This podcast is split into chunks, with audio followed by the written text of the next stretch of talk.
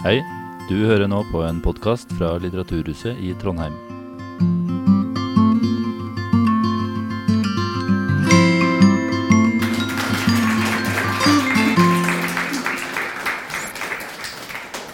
Tusen takk. Hei og velkommen til dere, og ikke minst til deg, Synne. Um, jeg har sett fram til denne samtalen her.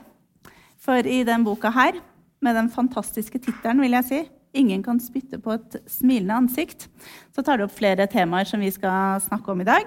Adopsjon, marginaliserte grupper, eh, hvordan de fremstilles i media. Um, og du er selv adoptert og bruker erfaringer som annerledes barn Um, til å undre deg, reflektere over ulike problemstillinger eh, og over ting du ser rundt deg i samfunnet. Og I dag skal vi snakke om temaene identitet, annerledeshet, rasisme og koreansk hevnkunst. Eh, Men først tenkte jeg å starte litt sånn der du sjøl starter i begynnelsen av boka di. eh, For å bli litt kjent med deg. Du og din tvillingbror Sigbjørn ble adoptert til Norge fra Sør-Korea da dere var sju måneder. Dere har vokst opp på Østlandet med to foreldre, to eldre søsken. Og dere har funnet deres biologiske foreldre.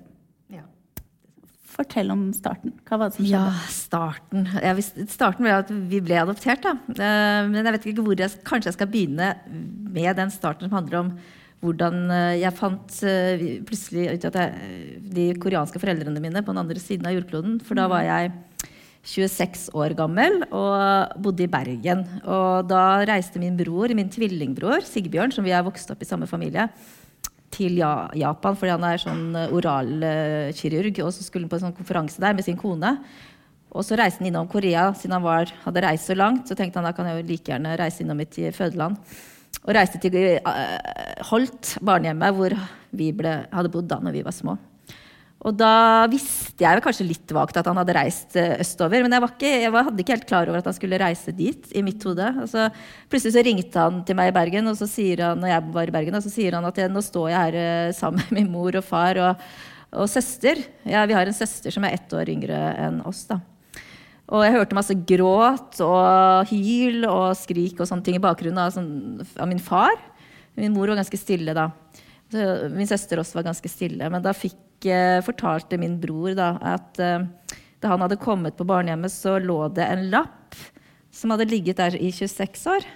Og der sto det at den var fra våre foreldre. At hvis vi kom dit en gang, så måtte vi ta kontakt med dem med en gang. Så det var jo ganske rørende, da. Så da fikk jo min bror hele den historien. Og det var jo det at eh, min mor holdt på å dø under fødselen. Og min far, var, vi var tvillingene, var de første barna deres. Moren min var 20 år. Eh, og de var svært, svært fattige. Og hadde egentlig ikke råd til å være på det sykehuset hvor vi ble født heller, så det ble en veldig stor sykehusregning der.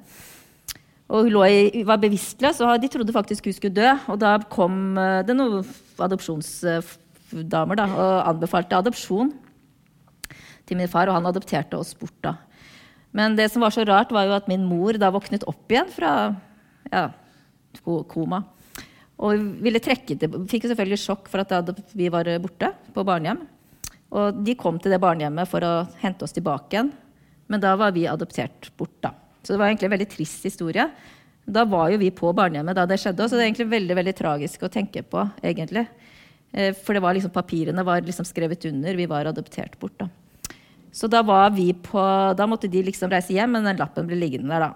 Eh, Sigbjørn og jeg vi var på det barnehjemmet noen måneder, og så var vi i hvert vårt fosterhjem en tid. noen måneder, Og så kom, vi til, kom min mamma fra Norge, som bare var 25 år, som jeg også syns er ungt. Hun hadde også da to, en treåring og en femåring hjemme.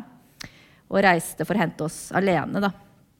Og, og, og, da kom vi til Norge. Ja. Så det var jo en Jeg visste, visste jo ikke noe om det mm, jeg var barn. Jeg trodde at mine foreldre var døde eller et eller annet. Et, så de liksom vært, vært helt Så det kom veldig plutselig, eh, denne oppdagelsen. Men eh, etter dette så begynte min far, koreanske far å skrive masse brev til meg det året etter at denne oppdagelsen ble gjort. da. Og da fikk jeg liksom hele historien til den familien med at min far han har vært eh, mistet tre brødre i Koreakrigen og sin far i tortur under Koreakrigen. Vært flyktning. De kom fra Nord-Korea.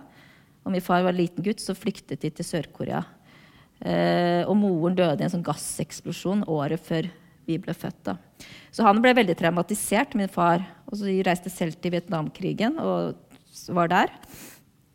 Og har reist til, til, til ja, hvilket land var det? Saudi-Arabia for å male og tjene penger. Så er veldig, sånn, veldig hardtarbeidende.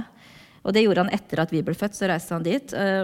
Eh, og da tjente han såpass mye penger, det er også litt utrolig, at eh, For da hadde min søster også blitt født året etter, takk og lov. Eh, for min mor var veldig lei seg. Så de klarte å kjøpe to butikker etter at han kom tilbake fra Saudi-Arabia. Det er vel morsomt, for den ene butikken er en papir- og brevark, penn og papir og brev, sånn som har vært en sånn greie mellom meg og min søster og min far. Da, å skrive brev har alltid vært min greie. Så jeg synes det var så morsomt da jeg fikk se at den fins ennå, den brevark-kontor- og rekvisita-butikken.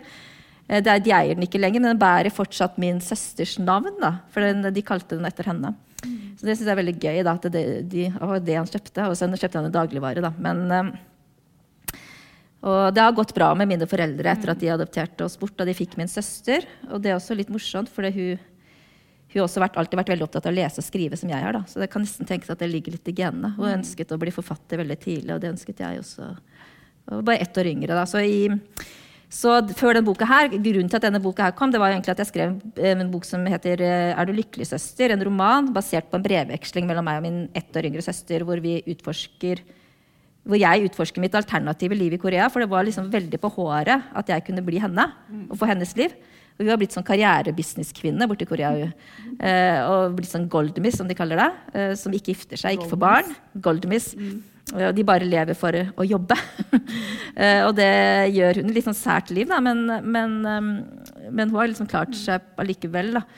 Og så har jeg forklart hvordan det er å leve i Norge. Da. Så liksom vært sånn, ja, den boken handler liksom om å se to liv opp mot Hadde jeg blitt lykkeligere som koreaner, eller er det greit. Jeg tror det er greit at jeg ble norsk, egentlig. For det virker veldig slitsomt å være i Korea, da. Ja, det synes jeg. Men, den boken også kan vi anbefale. Den syns jeg er veldig, veldig fin lesning. Eh, men eh, hva gjorde det med deg, husker du det, når du liksom satt der og fikk vite at her eh, har vi funnet familie? Hva jeg fikk et veldig sjokk, egentlig. Jeg fikk ikke sånn veldig sånn sterke følelser med en gang. Jeg fikk sjokk. sjokk. Året etter reiste jo jeg ned dit og møtte de, og da falt var hjemme i leiligheten med mor og far, og da falt jo min far sammen og skrek og hylte og gråt. og var veldig sånn følelsesladet. Da. Han skulle liksom Veldig sterke følelser. Og da sitter jeg mer som en sånn pinne og prøver å observere dette her, liksom. For jeg klarer ikke å leve meg helt inn i det, da. Uh, det blir så sterk Litt sånn teatralsk, på en måte. Og han er veldig spesiell. Min mor er kjempestille og søt, og liksom sånn, men han er veldig teatralsk. Han kjørte rundt med sånn liten motorsykkel og sang karaoke, drakk ganske mye alkohol. Og liksom, nei, Han var liksom morsom, mye humor, men også, også veldig sånn sint. Så han ble sint på oss òg.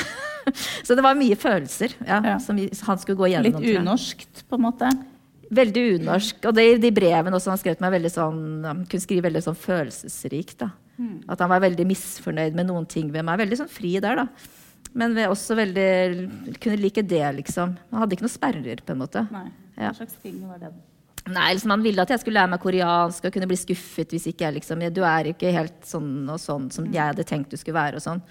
Og det, ja, så det var mye sånn. Han hadde ikke noe ja. En direkte kultur? Veldig direkte. ja. Um, det var jo et glimt inn i måte, bakgrunnen uh, her, som du òg reflekterer mye over uh, ulike ting ved, i boka. Um, og du har jo skrevet, skrevet uh, flere bøker før. Du jobber som psykiatrisk sykepleier. Um, og den boka her den ble til fordi forlaget inviterte deg og spurte om etter den, er du lykkelig, søster, spurte om du ville skrive en bok basert på spørsmålet 'Hvem er jeg?' Ja. Og det hadde du sikkert reflektert mye over? Ja, det var det forlagsredaktøren spurte om. da. Det var en redaktør ikke jeg kjente fra før. Uh, på sakprosavdelingen, for jeg har skrevet skjønnlitteratur før. Da, så det var noe nytt for meg. Men da spurte du faktisk i det første møtet Du har vel, eller sa, har vel alltid reflektert mye over hvem du er? Og så sa jeg bare nei. Aldri, faktisk. Og da blei hun veldig overrasket. Hun bare 'Har du ikke tenkt på det?' Nei, det hadde jeg ikke. Og så ble jeg sånn Er det noe folk går rundt og tenker over? Tenkte jeg plutselig på da. Men så tenkte jeg ja, jeg har jo hørt folk si det. Jeg vet ikke hvem jeg er. jeg vet ikke liksom, hvem er jeg, og Det er jo en sånn saying, på en måte. Mm. Så da bestemte vi oss for at det skulle bli liksom, den røde tråden. Da. Hvem er jeg? Utforske adopsjonshistorien min. Uh, men så tenkte jeg jo også litt rundt hvorfor jeg ikke har spurt meg selv om det. Og jeg tror jo egentlig det handler litt om adopsjonen. At um, når du er adoptert og vokser opp som adoptert på en bygd med 3000 hvor det ikke er andre enn ett annet søskenpar som er annen hudfarge, alle andre er hvite, så på, på 80-tallet, 70-80-tallet, så ble jeg kontinuerlig behandlet, jeg og min bror. Vi var tvillinger også, så det ble sånn dobbelt opp med rarhet. Eh, så ble vi liksom overalt behandlet som, som to apekatter fra sirkuset, liksom. Når vi kom sammen med min mor og far, som var høye og hvite, og så, som så helt annerledes ut. Mm.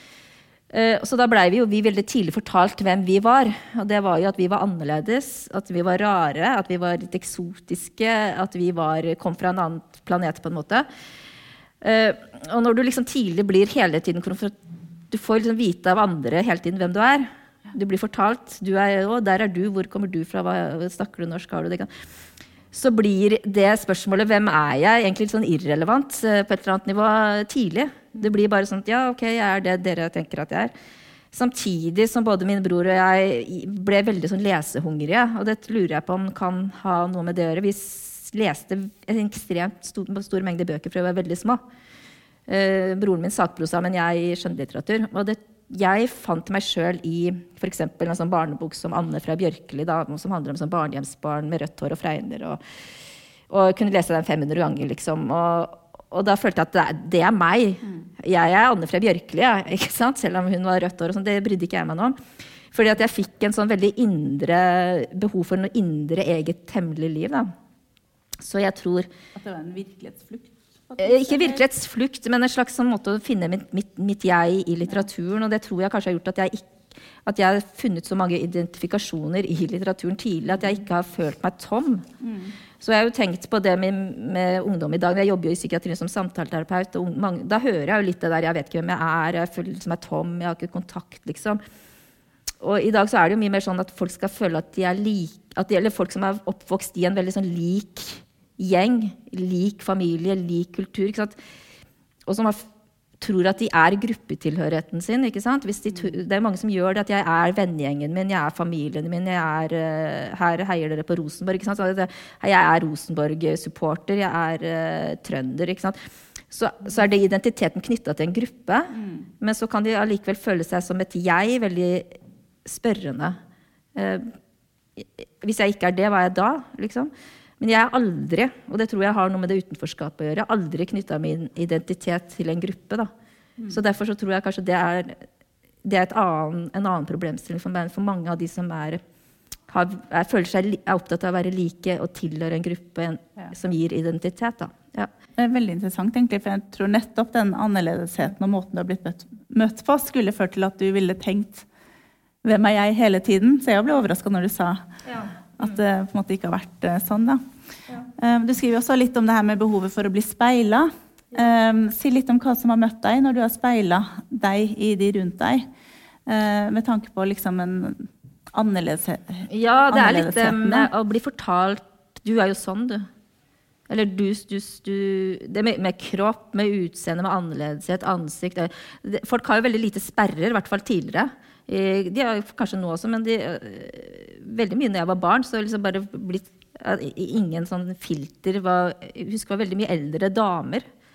Så jeg fikk sånn fobi for eldre damer faktisk, som baby, eller ikke som baby, men som liten, for at de gikk opp i ansiktet mitt og skulle ta på meg. Og så, og så ta hele ansiktet sitt oppi mm. også. Og sånn følelse av at du er under lupen på en måte. Altså, få kommentarer på at ja, de ser de smale øynene og den flate nesen. og det, ikke sant? Du får det liksom servert. da. Og så kort og, ikke sant? og denne ukritiske kommentaren på den annerledesheten som liksom er lov, uh, gjør at man hele tiden går i en slags sånn tilpasningsberedskapsmot. Så jeg blir jo ikke krenket av det. det er bare at ja, ja, liksom, Du må bare bli litt hard på et eller annet nivå. Kanskje litt sånn, Du må smile på et eller annet nivå. Mm. Um, så jeg ble vel litt sånn Du blir litt sånn anspent på, på et eller annet måte. Men, men også den, hele tiden den følelsen av at du at du er litt feil, da. Eh, på et eller annet nivå. Det tror jeg min bror også har hatt. Men, han, eh, liksom, men man blir vant til det, da. Ja, blir man vant til det? Ja, man blir vant til det, tenker jeg. Men, men man blir Det påvirker selvfølelsen på et eller annet nivå. Det gjør det nok.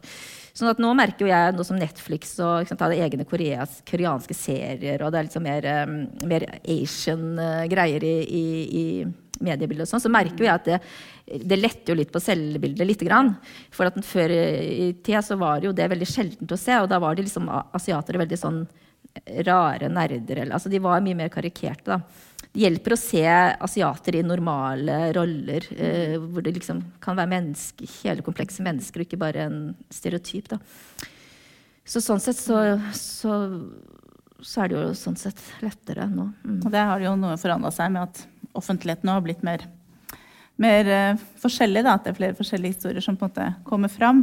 Men du mener jo at man fortsatt sånn som jeg har forstått det da, presses inn i noen narrativer, og at det er medias skyld. At det er liksom at man har denne offerhistorien eller heltehistorien om de adopterte eller om de ja. uh, marginaliserte eller andre minoritetsgrupper i samfunnet. Ja, jeg tenker det f.eks. For i forhold til Brynjulf Jungskjønn, som har kommet med 'Hvitnorskmann'. Mm. Som egentlig er en bok om uh, hvordan han uh, blir fortolket. Hvem han blir, gjennom livet sitt blir fortalt av de som ser han, hvem han er. Han er også adoptert, for som adoptert fra Korea. Han har gitt ut en diktsamling som heter 'Hvitnorskmann', som, som har veldig, så, fått veldig, veldig mye oppmerksomhet. Men jeg kan jo også bli litt irritert på den oppmerksomheten som har blitt gitt, fordi jeg mener at den er litt feil. Jeg mener at det de skal forstå, er at de skal se på seg sjøl, de som leser den boka, ikke se på Brynjulf. For den boka handler om hvit norsk mann, og ikke om gul, liten koreansk mann. Men der er det blitt en liten misforståelse. for man klarer også å snu det igjen til at det handler om lille, gule Brynjulf, som det er synd på. Men det er ikke en bok om lille gule Brynjulf som det er synd på, som har hatt et hardt liv i Norge. For Lilje han har ikke hatt noe spesielt hardt liv i Norge. I forhold til eh, alle mennesker som lever i verden og Norge, har jo sine problemer, sine utfordringer og sine greier. Og, så det er ikke noe at hans historie er noe mer spesielt sterk enn andres. men det, det, Så den boka handler jo om hvordan det hele tiden er å bli konfrontert med, med hvem du er av andre. Så jeg hadde jo egentlig ønska at den kunne blitt lest mer som Oi, hvordan ser jeg på andre mennesker? Hvordan eh, All type annerledeshet. Eh, fordi at Adopterte blir ofte enten plassert i 'det er veldig synd på deg', og da sitter folk og gråter. Jeg blir provosert når folk sitter og gråter når han sitter og leser opp dikt. Da blir jeg provosert, selv om jeg ikke, ikke For jeg tenker nå har dere misforstått en veldig, veldig vesentlig ting her. Mm. Ellers så er det ikke noe synd på deg i det hele tatt. Og det er også det er de to to motpolene adopterte blir møtt med. Og det må vi bare forholde oss til. I ene øyeblikket er det kjempesynd på oss stakkars deg. Og i neste øyeblikk så møter du en rasist på gatehjørnet som sier det er faen ikke noe mer synd på deg enn meg. Ikke sant? Jeg, ikke sant? Og så, så, hva er det mellom der? For begge deler er på en måte riktig òg. I Brynjulf og jeg, vi har det bra, vi. Det er mange i Norge det er mye mer synd på. Det ikke, men det er ikke det som er poenget med de, disse bøkene eller disse fortellingene, om det er synd på oss eller ikke. Poenget er at hvordan er det vi blir sett på, og hvordan kan vi fortelle det til noen som har fortalt oss hele livet hvem vi er? Hvordan kan vi fortelle tilbake at, hvordan det har vært? Mm. Så det er ikke noe sånn eh, Men det, i, media så blir det ofte en sånn synd på, eller det er ikke noe synd på det offer, krenka, bla, bla, bla. For det selger, og, det, og da blir det jo sånne veldig polariserende type eh, enten-eller-ting, da, tenker jeg. Og jeg, jeg kan ta et sånn eksempel på det med hvordan det er å være adoptert. kanskje Som, for jeg tror det er vanskelig for mange å forstå det, faktisk. For at det, folk ser det ut fra seg sjøl. Men den ene tingen er at uh, hvis dere tenker på deres eget barn, eller hvis dere har barn, eller uh, noe sånt, og så tenker at dere sjøl ikke kunne ha det barnet når dere fikk det, og så tenker at det, dere da ble faktisk nødt til å adoptere det til Korea. Eh, og det ble la sagt på et barnehjem et eller annet, i noen måneder et eller annet sted i Norge. Og så som fosterhjem. Og nyfødt barn ikke sant, eh, vil ha, trenger foreldre. Omsorg, kjærlighet. Men det er liksom instrumentell omsorg på disse barnehjemmene. Og, og barnet det er bare en pakke, og så blir det flydd over til en koreansk familie. Og så når du kanskje er mellom noen måneder gammel eller noen faktisk flere år. ikke sant? Eh, hvor det skal vokse opp med bare koreansk, med koreanske foreldre, koreanske søsken, gå på koreansk skole osv. Det eneste de ser, er koreanere. Og så av og til et, kanskje en som ligner på dem, men det er ikke så veldig ofte. De er da sånn ca. en halv meter høyere enn alle andre i klasserommet. Og alle ser det, og de har mye større nese. Alle kommenterer det eller i enhver sammenheng. Ingen klær passer. ikke sant? Så det hele tiden, og alt det de ser på TV, er Og av og til så ser de noen hvite mennesker på TV som Ja, det er der jeg kommer fra. der er de, ikke sant? Så kan man jo kanskje tenke at det barnet erfarer det som en type annerledeshet. Som de, som de ikke bare er liksom øh, Ja, en bagatell. Og det andre jeg tenkte på, jeg, det er jo et sykt eksempel, men, det, men jeg, bare, jeg, vet ikke hvorfor jeg kom til å tenke på det. Jeg tenkte på det på fly i dag. Hvis en sånn ting fordi at eh, Hvis dere for eksempel, tenkte på arbeidsløshet Hvis, hvis, øh, hvis, dere, hvis man er arbeidsløs og så plutselig ble det en ny regel, eller denne regelen har vært i mange år, at alle som er arbeidsløse, de må ta på seg en drakt hvor det står 'jeg er arbeidsløs', som de må gå og ha på seg hver dag mens jeg er arbeidsløse. Ut, overalt. På butikken, overalt. Og da vil de møte, og det fins jo flere, du er ikke en eneste, for det er flere arbeidsløse i, i Norge. Da. Så det, alle de som er det, må gjøre det. Da er det noen som vil møte mye sånn 'Å, skal du ha jobb? Vil du ha jobb? Jeg skal hjelpe deg å finne en jobb.' Det er kjempesynd på deg. Og så er det andre som du vil møte, som vil si faen, latsekk, ikke sant. Gå og få deg en jobb. Og hvis du liksom tenker på hvordan er det å ta på seg det utapå en sånn drakt som Du kan ikke gjemme den vekk. Du må bare forholde deg til det hele tiden, hver dag ut og inn, når du går rundt i byen, når du går på butikken, når du går på jobb.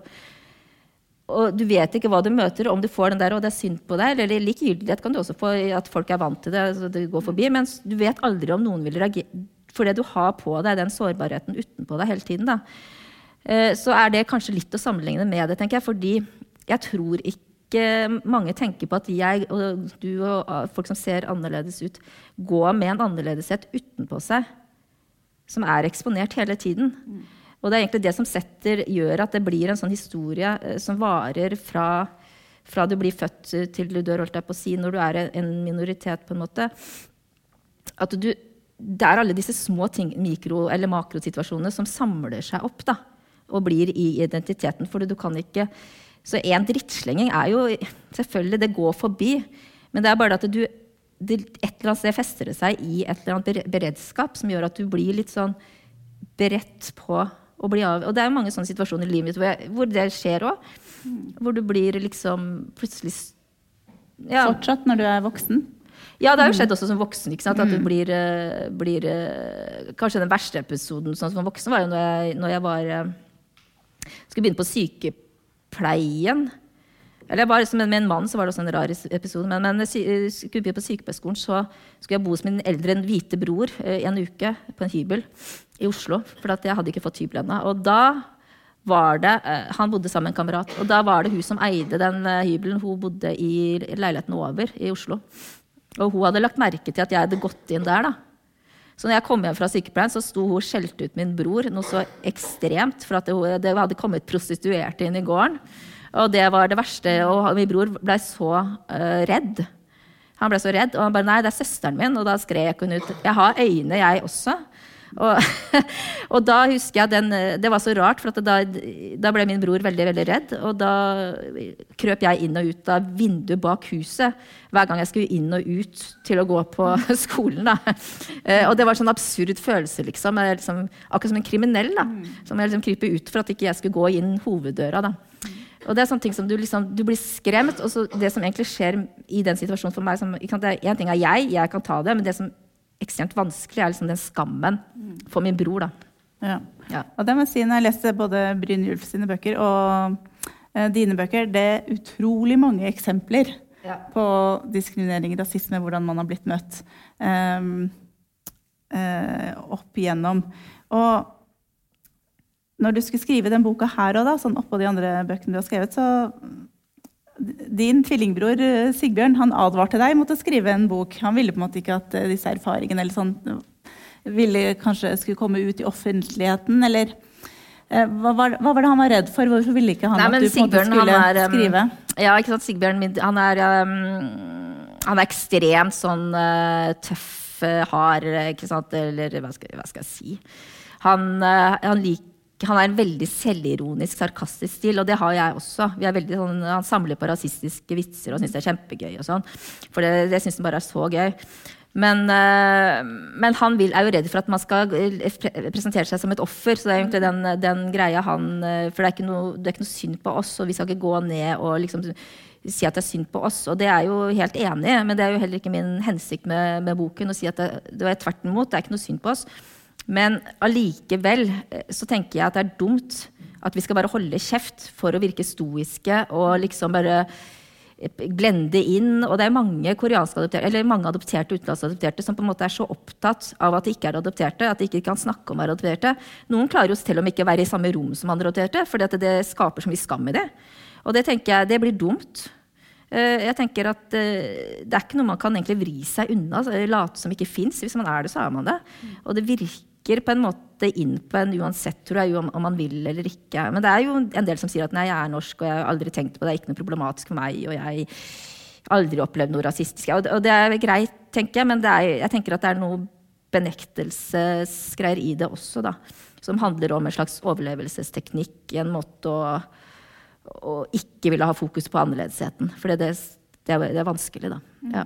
Mm. Um, jeg tenkte da jeg leste de bøkene her, at um, det å liksom ta plass som den man er, og uten å la seg definere av andres blikk, fikk jeg litt gjenklang til den store liksom, diskusjonen etter Karpe sitt album i fjor, hvor veldig mange bindestreksnordmenn på en måte tok ordet som tokulturelle. At nå vil vi ikke være liksom, bare takknemlige og underlegne, og vi har stemmer, og vi er forskjellige. At det er litt sånn at nå kommer det flere bøker blant adopterte også som forteller om sine erfaringer og historier. Så sa du at det var litt sånn, ja det er litt kanskje noe av det samme, men det er også litt forskjellig. Um, Mm, ja, jeg tenker at det er litt forskjellig i den forstand at vi, at vi, vi er jo adoptert av norske foreldre. Sånn at det ligger noe i det narrativet der også som er øh, Jeg har også skrevet sant, om det, gjennom at adopsjon, som jeg også har vært litt opptatt av at øhm, Jeg får ofte høre Jeg får høre jeg, hva jeg har lov til å reagere, og hva jeg ikke har lov til å reagere på. Hvor, hvor, hvor heldig jeg har vært. og alle disse tingene. Men jeg har jo egentlig hatt en del sånn Jeg har gått inn i psykiatrien, og sånne ting, men jeg hadde har hatt veldig mye angst sjøl som barn. da, siden jeg var veldig liten, Som, veldig, var liksom vedvart gjennom hele barndommen. Og som egentlig har liksom blitt tolket veldig mye som uh, vanskelighet. Ja. At jeg har hatt veldig mye fobier. Jeg kunne liksom ikke sitte i bil. Jeg fikk uh, klaustrofobi. Jeg var uh, ja, redd for mange ting. da. Og så har jo jeg lest litt sant, når jeg jobber i psykiatrien ting, og satt meg inn i ting. Og, det, det, og jeg har også vært veldig mye syk, sånn fysisk syk som barn. Sånn at Da er det jo også en del ting som handler om den tidlige tilknytning i barn, altså fra, helt fra du er født, faktisk, og i de første ukene og første månedene. Eh, hvordan det påvirker et barn å ikke ha en, fast omsorgsgiver. Da. Det å kanskje bare være på et barnehjem. Jeg var jo på barnehjem og så, så hvordan de barna ble stelt. Veldig instrumentelt. Mat eh? Men kjærlighet er det jo ikke. ikke? Det er ikke kjærlighet på et sånt sted. Eh, og den betydningen av det, hvordan det former en adoptert, det har kanskje jeg vært litt opptatt av for meg selv. For ikke bare ta hele ansvaret for at jeg er så rar, liksom, så vil jeg også kunne forstå at det kanskje har vært noe der som har bidratt til at det har vært litt vanskelig. da. Uh, og det, også, det har et kapittel, et essay i den som heter 'Kroppen', da, som handler om, mer om de fysiske tingene som jeg er plaget av. og som jeg tenker har vært en sånn myte, for jeg har hørt så mye. Ja, du er så heldig som kom når du bare var sju måneder. For at det, da er det en sånn greie med at da ble du egentlig født før du, når du kom til Norge. For at det, alt det som er før, teller jo ikke, for det husker du jo ikke. Det er ikke noe språk for det. Siden du ikke husker det, så, så husker du det ikke. Men det mener jeg helt bestemt at kroppen husker ganske mange ting som ikke selv om ikke du kan snakke, så betyr det ikke Og det tenker jeg at alle de som har hatt barn sjøl også kan forstå til en viss grad. At et, eh, de første månedene av et barns liv er ikke ubetydelige. Men det, den historien har vært veldig sånn eh, veldig sånn grei som adopterte har forholdt seg til. Altså. Ja, du, det livet før det er ikke viktig. Det er når du kom til Norge det starta. Og, og, og, da er det de først de som er sånn fire-fem år, som kan si at de kanskje når de ble adoptert, at de, det kan ha hatt noen effekt på dem. Men jeg, jeg tror også det har effekt på mindre barn. Da. Og at det har liksom ikke vi fått lov til å liksom Du husker jo ingenting. Så det, ja. så det er den historien over, på en måte. ja. Du utforsker jo det i, i eh, boka også. Skriver litt om det. Og det, også det, I forhold til det med annerledeshet i for, familie, så tenkte jeg også jeg, Min pappa han døde nå i sommer, og i begravelsen der så ble jeg sittende ved siden av han og lege. da, en, en, eh, Som hadde studert med han. Og da sa han også det at han hadde adoptert to barn, da, det, eh, omtrent fra Korea. da. Du, du skjønner det, sa han, at det var så populært. å adoptere folk, eh, barn fra Korea. Når vi, det var mange på vårt studie som gjorde det. Ja. Så det var så populært. Og det også tenker jeg litt, for mine foreldre var veldig idealistiske. De hadde bestemt å adoptere før De kunne jo få egne barn. og alle fikk egne barn. De var inspirert av Holt-familien, som fikk adopterte åtte barn. Eh, så de var drevet av en enorm idealisme rundt, og, og de ville adoptere flere òg, men min far ble syk, så de kunne ikke det. Og jeg tror at mange som adopterte på 70- og 80-tallet, av foreldre har hatt en enorm idealisme, et, en enorm sånn type ja, Et egen drive inn i det, da. Som jeg også tror uh, spiller inn på, på, hvordan, hvilke familier er det som har fått uh, Vi skal være takknemlige. Liksom, det ligger i Jeg har fått høre hele tiden Så heldige, fantastisk familie, foreldre, fantastiske foreldre. Altså, snille. ikke sant? Så du blir liksom veldig sånn Eh, følelsen av at du har vunnet i, i gullotteriet. da. Og folk forteller deg det. liksom. Og hvis du, er helt, hvis du er litt vanskelig, eller et eller annet sånt, så blir det liksom Da blir du liksom litt rar. Og var, jeg var i Grimstad nå for en, noen måneder siden og da var, og snakket om boken sammen med Brynjulf. Så da var det en eh, familie, et par, som kjente oss fra Jeg hadde ikke sett de siden jeg var barn. da. Uh, de kjente oss da, og da sa de ja, vi forsto oss aldri på deg, sa han mannen. Men nå forstår jeg mye mer. For de syntes jeg var rar. da. Jeg trakk meg tilbake på rommet og ville lese. ikke sant, eller et eller annet da. Da tenker jeg at De, de syntes nok jeg var veldig rar. da. Mm. Jeg levde ikke opp til denne familieidyllen. da. Jeg har lyst til å snakke litt om um, tittelen på boka di. Ja. 'Ingen kan spytte på et smilende ansikt'. Synes det er en veldig god tittel. Men i boka di så skriver du at uten at Sigbjørn, altså din tvillingbror, og jeg har kjent til ordtakets eksistens, for dere fikk vite om det for noen få år siden, så har vi ubevisst alltid levd etter det. Ja. Hvordan da? Nei, altså Det er jo den sarkasmen. Eh, forsvar, det er en forsvarsmekanisme. ikke sant? Å smile når du vil gråte. Um, det er en måte å få, prøve å få makt over en situasjon, over seg selv, og ikke vise sårbarhet. Da. Det er jo et koreansk uh, uttrykk ja, som jeg syns passet veldig godt til oss. Men sant, det er litt forhold til det rasisme og sånn. Hvis noen slenger uh, noe dritt i meg, så, så, har ikke jeg så veldig lyst til å begynne å gråte og løpe og gjemme meg. Mm. Fordi at da mister jeg på en måte da har jeg gitt fra meg makt og styrke til Da har jeg liksom sagt ja, du har rett, jeg er en dust. Jeg tåler ikke dette. Så jeg er blitt en slags kanskje en kampsak å smile tilbake. For at det da det er jo ikke egentlig meg som er idiot, hvis det er noen som sier at jeg er idiot. ikke sant? Så, så hvorfor skal jeg prøve å føle det? Det er jo lettere, Jeg mener ikke at det er galt å gråte, men jeg mener at det mer har vært en forsvarsmekanisme som er mer eller mindre sunn og usunn. Jeg trener meg jo nå mer i voksen alder på å gråte. da. Ja.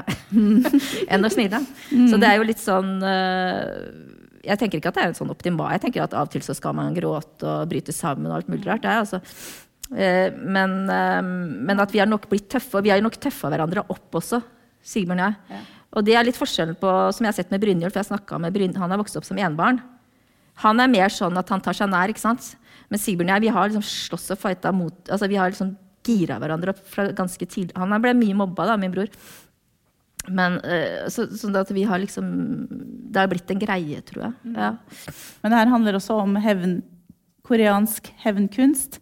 Dette med å le tilbake for å på en måte vinne. Jeg hadde lyst til å lese litt, eh, et lite utdrag til, for her står det Selv om jeg forstår hvorfor selv om jeg ønsker å forstå hvorfor enkelte mennesker blir rasister, har jeg nulltoleranse for enhver rasistisk motivert handling. Og jeg ser ingen grunn til at urett rasister har begått, ikke skal hevnes.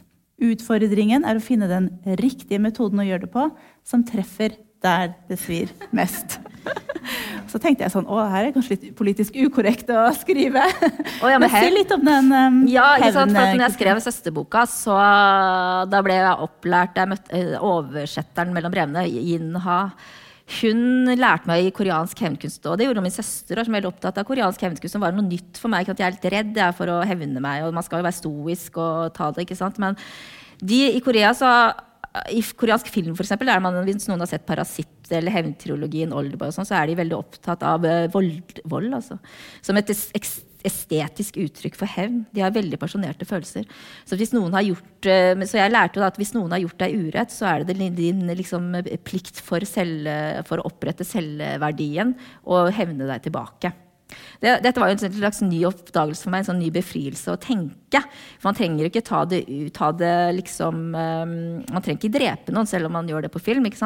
Men man kan i hvert fall tillate seg å tenke at man vil drepe noen. Det er ikke noe farlig. Men det, i Norge så er jo det nesten det også litt farlig. Man må liksom bare mm, Vi er litt sånn.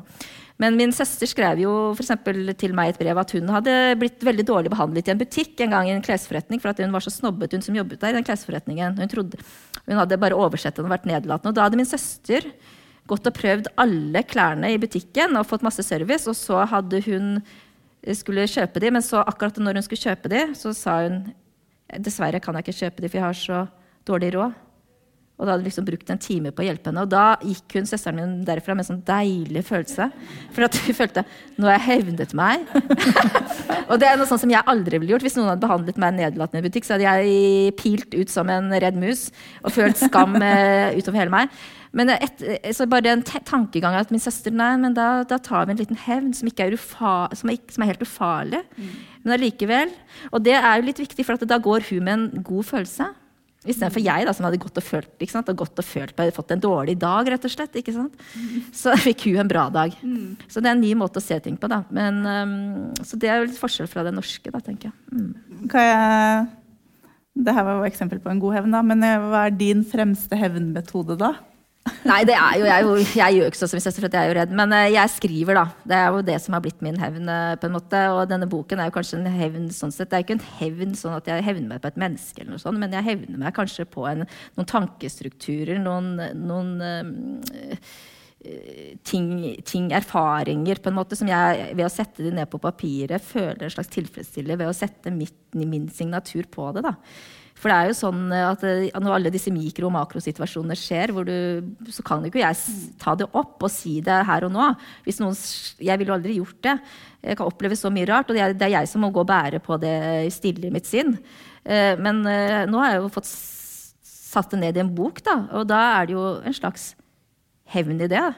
Og det er jo egentlig litt sånn hevn i å skrive og bli forfatter og sånn òg. fordi at alle mennesker som jeg er i nærkontakt med, de kan jo aldri vite om jeg kommer til å ta deres ord og bruke det til noe.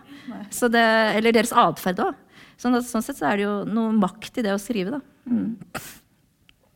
Møter du, Føler du fortsatt at du opplever på en måte situasjoner hvor du hele tiden blir konfrontert med annerledeshet? Nå er du jo voksen, føler at måte, offentligheten er blitt mer opplyst ved at det er flere stemmer som kommer til overflaten eh, fra adopterte, også om, om sine erfaringer. Men møter du fortsatt ja, jeg gjør det av og til her og der, liksom. Og det, men det er jo mye, mye mindre må sies, enn det var veldig massivt i min barndom. Uh, ungdom og voks, tilvoksen. Men nå er det jo mye, mye mindre. Men jeg var på altså, Nord jeg sitter i sånn uh, bedømmelseskomité i Nordisk råd. og var på utdeling på Opera for et par uker siden, eller når det var, og da var det jo noe, et menneske som er ganske sånn ja, høyt uh, oppe på strå. da, og da som, sa, som jeg sto og snakket med, og så sier hun at uh, ja, de to nominerte, de norske, de, de, de, de har jo samme drakt. Eller samedrakt, eller et eller annet. Så sa, hørte jeg feil, og da sa jeg har, har de samme drakt? Så. Og da ble hun helt sånn ah, ah, ah, Samme drakt! Ah.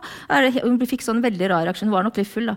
Men da sa Og så, Tenk om jeg hadde sagt sånn til deg, Synne, at sånne som deg Hvis jeg hadde sett sånne som deg, at, var, at dere alle sammen var helt like.